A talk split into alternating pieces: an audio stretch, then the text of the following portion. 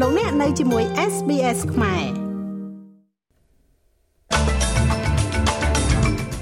លោកហេរ៉ាញឹកនិយាយថាអតិរេកថវិកា22,000លានដុល្លារមិនរំពឹងថានឹងនៅបានយូរទេមហាសេដ្ឋីប្រព័ន្ធផ្សព្វផ្សាយលោក Rupert Murdoch ត្រូវបានដាក់ស្លាកថាមិនធម្មតាដោយអ្នកនយោបាយអូស្ត្រាលីមួយចំនួនសេវាសង្គ្រោះបន្ទាន់នៅដែនដីភាគខាងជើងកំពុងត្រៀមសម្រាប់លក្ខខណ្ឌភ្លើងឆេះព្រៃដ៏មហន្តរាយ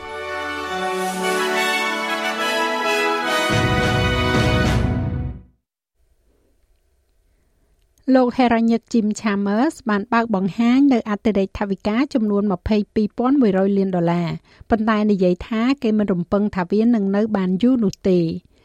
អតិរេកថវិកាដែលបានប្រកាសសម្រាប់ឆ្នាំហិរញ្ញវត្ថុ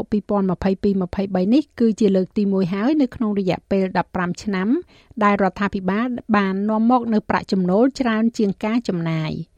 បក Labor ជំពាក់ការធ្វើឲ្យប្រសើរឡើងលើការធ្លាក់ចុះនៃប្រាក់ចំណូលដែលជំរុញដោយទំនិញក៏ដូចជាពន្ធបន្ថែមដែលបានប្រមូលពីបុគ្គលនៅក្នុងទីផ្សារការងារដ៏រឹងមាំមួយលោក Chambers និយាយថាគេរំពឹងថានេះគ្រាន់តែជាអតិរេកបណ្ដោះអាសន្នប៉ុណ្ណោះ We're still anticipating uh, a deficit uh, this year យើងនៅតែរំពឹងថានឹងមានអនុភាពថវិកានៅឆ្នាំនេះនិងប៉ុន្មានឆ្នាំក្រោយទៀតនៅក្នុងកញ្ចប់ថវិកាជាក់ស្ដែងមានរឿងជាច្រើនដែលអាចកើតឡើងរវាងពេលនេះនិងនៅពេលដែលយើងប្រគល់កញ្ចប់ថវិកានៅខែឧសភាឆ្នាំក្រោយមានធាតុផ្សំដែលមិនអាចទីទុកជាមុនបាននៅពេលនិយាយដល់ប្រាក់ចំណូលនៅពេលនេះដោយសារតែបរិយាកាសសេដ្ឋកិច្ចពិភពលោកមានភាពមិនច្បាស់លាស់ជាពិសេសនៅក្នុងប្រទេសចិន ហើយដោយសារតែផលប៉ះពាល់ទាំងស្រុងនៃការកើនឡើងនៃអត្រាការប្រាក់ទាំងនេះមិនទាន់បានកម្ចាត់នៅក្នុងសេដ្ឋកិច្ចរដ្ឋាភិបាលសហព័ន្ធបានបង្ហើបឲ្យដឹងថាអភិបាលរដ្ឋអាចជ្រើសរើសប្រឈមមុខនៅក្នុងការស៊ើបអង្កេតទៅលើការឆ្លើយតបរបស់ប្រទេសអូស្ត្រាលីចំពោះโรគរាតត្បាត COVID-19 បាន។ លោក Heranyck Jim Chambers ក៏បានការពារការសម្រេចចិត្តរបស់រដ្ឋាភិបាលលោកនៅក្នុងការបង្កើតការស៊ើបអង្កេតរយៈពេល12ខែប៉ុន្តែមិនមែនជារាជគណៈកម្មការនោះទេគេនឹងមិនស៊ើបអង្កេតការសម្រេចចិត្តរបស់រដ្ឋនឹងដែនដីនោះឡើយដែលមានន័យថាលក្ខណៈពិសេសដ៏ចម្រូងចម្រាសជាច្រើនរបស់រោគរាតត្បាតរួមទាំងការបិទគប់ lockdown ការបិទសាលារៀននិងការពាក់ម៉ាស់ជាកំហិតនឹងមិនស្ថិតនៅក្រោមការយកចិត្តទុកដាក់នោះទេ អនុប្រធានគណៈបព្វប្រឆាំងលោកស្រី Susan Lee បានប្រាប់ទូរទស្សន៍ប៉ូលេខ7ថាលោកនាយករដ្ឋមន្ត្រីកំពុងតែការពារមេដឹកនាំថ្នាក់រដ្ឋ This is Anthony Albanese's COVID cop out and នេះគឺជាការកិច្ចវេះបញ្ហា COVID របស់លោក Anthony Albanese ហើយខ្ញុំរស់នៅតាមព្រំដែនរវាងរដ្ឋ New South Wales និងរដ្ឋ Victoria ហើយសម្រាប់អ្នកគ្រប់គ្នានៅថ្ងៃនេះដែលដឹងច្បាស់ថាការស៊ើបអង្កេតនេះត្រូវតែបន្តទៅមុខខ្ញុំចង់ឲ្យពួកគេដឹងថាយើងគឺនៅខាងអ្នកមនុស្សដែលត្រូវបានបំផ្លាញដោយការបិទគប់ទាំងនោះ ការបិទចំនួន32លើកនៅទូទាំងដងទន្លេ Murray River សកម្មភាពរបស់អភិបាលរដ្ឋ Victoria ធ្វើឲ្យមនុស្សនៅក្នុងសហគមន៍របស់ខ្ញុំមានការខឹងសម្បានៅពេលនេះនេះគឺជាលោកនាយករដ្ឋមន្ត្រីដែលកំពុងតែមើលថែមិត្តរួមគណៈបក Labor របស់គាត់ប្រទេសអូស្ត្រាលីបានពិភាក្សាជាមួយនឹងអាជ្ញាធរហូឡង់ដើម្បីស្វែងរកយុត្តិធម៌សម្រាប់អ្នកដំណើរដែលត្រូវបានគេសម្លាប់នឹងក្រុមនាវិកនៃយន្តហោះ Malaysia MH17 ដែលបានធ្លាក់ ប្រទេសអូស្ត្រាលីបាននឹងកំពុងតែធ្វើការជាមួយប្រទេសហូឡង់និងសហភាពអឺរ៉ុបដើម្បីសម្របសម្រួលការដាក់ទណ្ឌកម្មលើអ្នកទាំង3ដែលត្រូវបានកាត់ទោសដោយតុលាការក្រុងឡាអេក្នុងខែវិច្ឆិកាឆ្នាំ2022សម្រាប់ការរួមចំណែករបស់ពួកគេនៅក្នុងការទម្លាក់យន្តហោះ MH17 មនុស្ស298នាក់នៅលើយន្តហោះបានស្លាប់ក្នុងនោះមានពលរដ្ឋអូស្ត្រាលី38នាក់ រដ្ឋមន្ត្រីការបរទេសលោកស្រី Penny Wong នៅទីក្រុងញូវយ៉កដើម្បីចូលរួមមហាសន្និបាតអង្គការសហប្រជាជាតិហើយនិយាយថារដ្ឋាភិបាលអូស្ត្រាលីនឹងតស៊ូដើម្បីធានានៅចម្លើយដែលទទួលខុសត្រូវចំពោះឧក្រិដ្ឋកម្មរបស់ពួកគេ I've just come from a very moving discussion ខ្ញុំទៅតែបានមកពីជួបពិភាក្សាដ៏រំជើបរំជួលមួយជាមួយនឹងប្រទេសហូឡង់និងអ្នកតំណាងផ្សេងទៀតនៃប្រជាជាតិទាំងនោះដែលជាប់ពាក់ព័ន្ធក្នុងក្រុងស៊ើបអង្កេតរួមគ្នាទៅលើការបាញ់ទម្លាក់ MH17 ដោយសហព័ន្ធរុស្ស៊ីដែលបណ្ដាលឲ្យមានការបាត់បង់ជីវិតយ៉ាងសោកសៅនៅតែបដិញ្ញាបន្តស្វែងរកការពិតយុត្តិធម៌និងការទទួលខុសត្រូវ អ្នកនយោបាយអូស្ត្រាលីកំពុងតែប្រតិកម្មចំពោះការប្រកាសថាលោក Rupert Murdoch នឹងចុះចេញពីតំណែងជាមេដឹកនាំក្រុមហ៊ុនសារព័ត៌មាន Fox និង News Corp លោក Murdoch នឹងក្លាយជាប្រធានកិត្តិយសនៃក្រុមហ៊ុនទាំងពីរដែលចូលជាធរមានក្នុងកិច្ចប្រជុំក្រុមប្រឹក្សាពិបាលក្នុងខែវិច្ឆិកាកូនប្រុសរបស់លោកគឺលោកឈ្មោះគឺឈ្មោះថា Lachlan Murdoch នឹងក្លាយជាប្រធានក្រុមហ៊ុន News Corp និងបន្តជានាយកប្រតិបត្តិនៅ Fox Corp រដ្ឋមន្ត្រីក្រសួងគមនាគមន៍លោកស្រី Michelle Rowland បានប្រាប់ Sky News ថាការចូលនិវត្តន៍របស់លោកមួយដូចគឺអស្ចារ្យខុសពីធម្មតាប៉ុន្តែត្រូវបានរំពឹងទុកបន្ទាប់ពីការចាប់អាជីពដ៏យូរនៅក្នុងឧស្សាហកម្មនេះ។ this is uh, a process that would have been thought about I think for នេះគឺជាដំណើរការមួយដែលនឹងត្រូវបានគិតអស់មួយរយៈពេលមកហើយខ្ញុំសូមអបអរសាទរចំពោះលោកមើលដូចអស់រយៈពេលជាច្រើនឆ្នាំរបស់គាត់នៅក្នុងវិស័យនេះជាការពិតគាត់គឺជាតួអង្គដ៏សំខាន់ជាសកលមិនមែនត្រឹមតែក្នុងប្រទេសអូស្ត្រាលីប៉ុណ្ណោះទេប៉ុន្តែគឺនៅទូទាំងពិភពលោក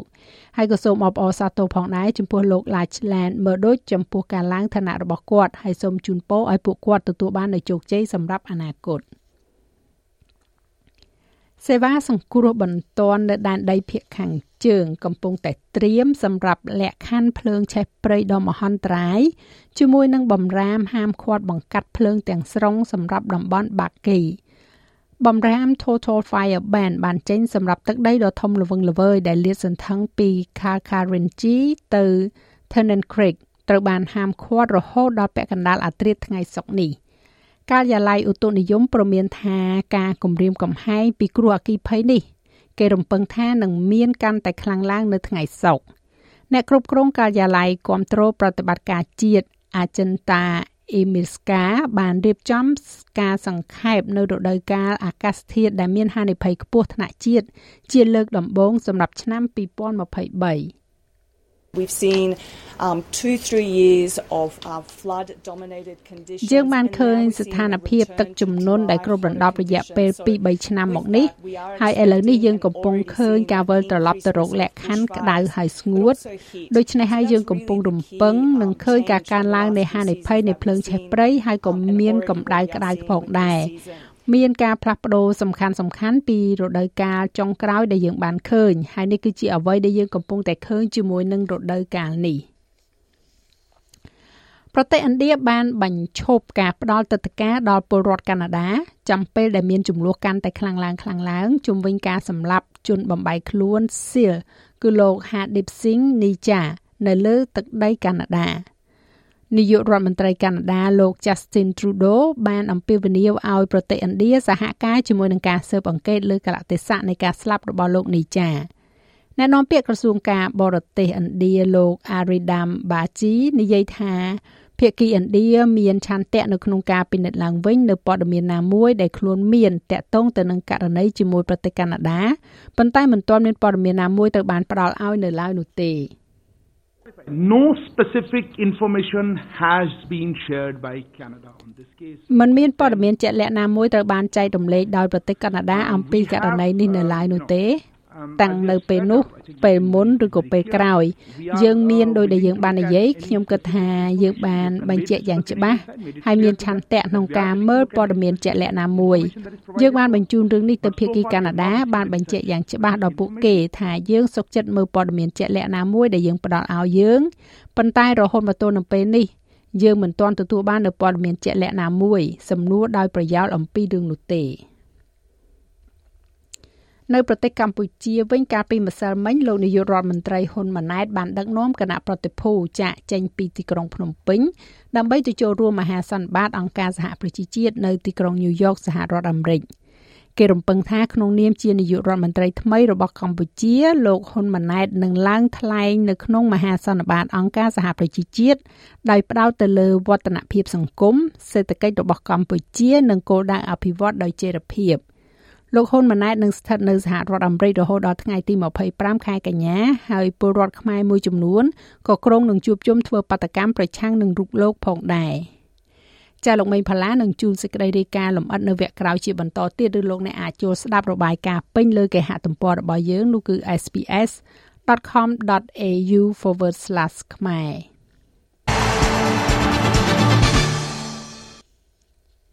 នៅក្នុងកីឡាបាល់ទាត់ក្លឹបបាល់ទាត់ Melbourne Victoria បានចាប់យកខ្សែប្រយុទ្ធ Emily Keeling សំទោសជានិកនៅមុនរដូវកាលថ្មី2023-24 A Liberty A League កីឡាករនីក្រុម Maltela រូបនេះបានបង្ហាញខ្លួន109ដងនៅក្នុងការប្រកួត A-League ស្ត្រីពេញមួយអាជីពរបស់នាង ដោយរកបាន46គ្រាប់ក្នុងពេលវេលារបស់នាងនៅក្នុងលីក ដោយបានខកខានក្នុងវគ្គ23អ្នកចុងក្រោយសម្រាប់ក្រុមអូស្ត្រាលីក្នុងព្រឹត្តិការណ៍ World Cup ថ្មីៗនេះនាងបានចូលរួមជាមួយនឹងកីឡាករនីអន្តរជាតិ Lydie Williams និង Alice Kellogg-Knight កីឡាករនីវ័យ31ឆ្នាំរូបនេះបានចំណាយពេល2ឆ្នាំចុងក្រោយលេងឲ្យក្លឹបអង់គ្លេស Aston Villa ក្នុងក្របខ័ណ្ឌ Women's Super League នាងបានចំណាយពេលច្រើននៅក្នុងអាជីពរបស់នាងទៅលេងនៅក្រៅប្រទេសរួមមានក្លឹប Liverpool, Bayern Munich និងក្លឹបស៊ុយអែត Vitesse ចំណែកឯអត្រាប្តូរប្រាក់វិញ1ដុល្លារអូស្ត្រាលីមានតម្លៃជាង64សេនដុល្លារអាមេរិកបន្តិចប៉ុណ្ណោះត្រូវនឹងប្រមាណ2640រៀលប្រាក់រៀលខ្មែរ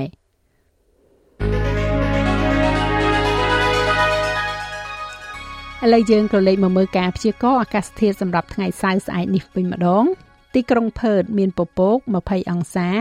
បើកថ្ងៃនៅអាដាលេដ24អង្សាមែលប៊នភាគច្រើនបើកថ្ងៃ19អង្សាហូបាតមានពពក17អង្សាភាគច្រើនបើកថ្ងៃនៅ Canberra 20អង្សា ទីក្រុង Sydney មានពពក20អង្សា Brisbane មានពពកដោយពេល23អង្សា ទីក្រុង Cairns រលឹមបន្តិចបន្តួច28អង្សា នៅ Darwin ក៏បើកថ្ងៃ34អង្សា បើកថ្ងៃដូចគ្នានៅ Alice Springs 31អង្សា ទីក្រុងភ្នំពេញ មានផ្គររលឹម32អង្សា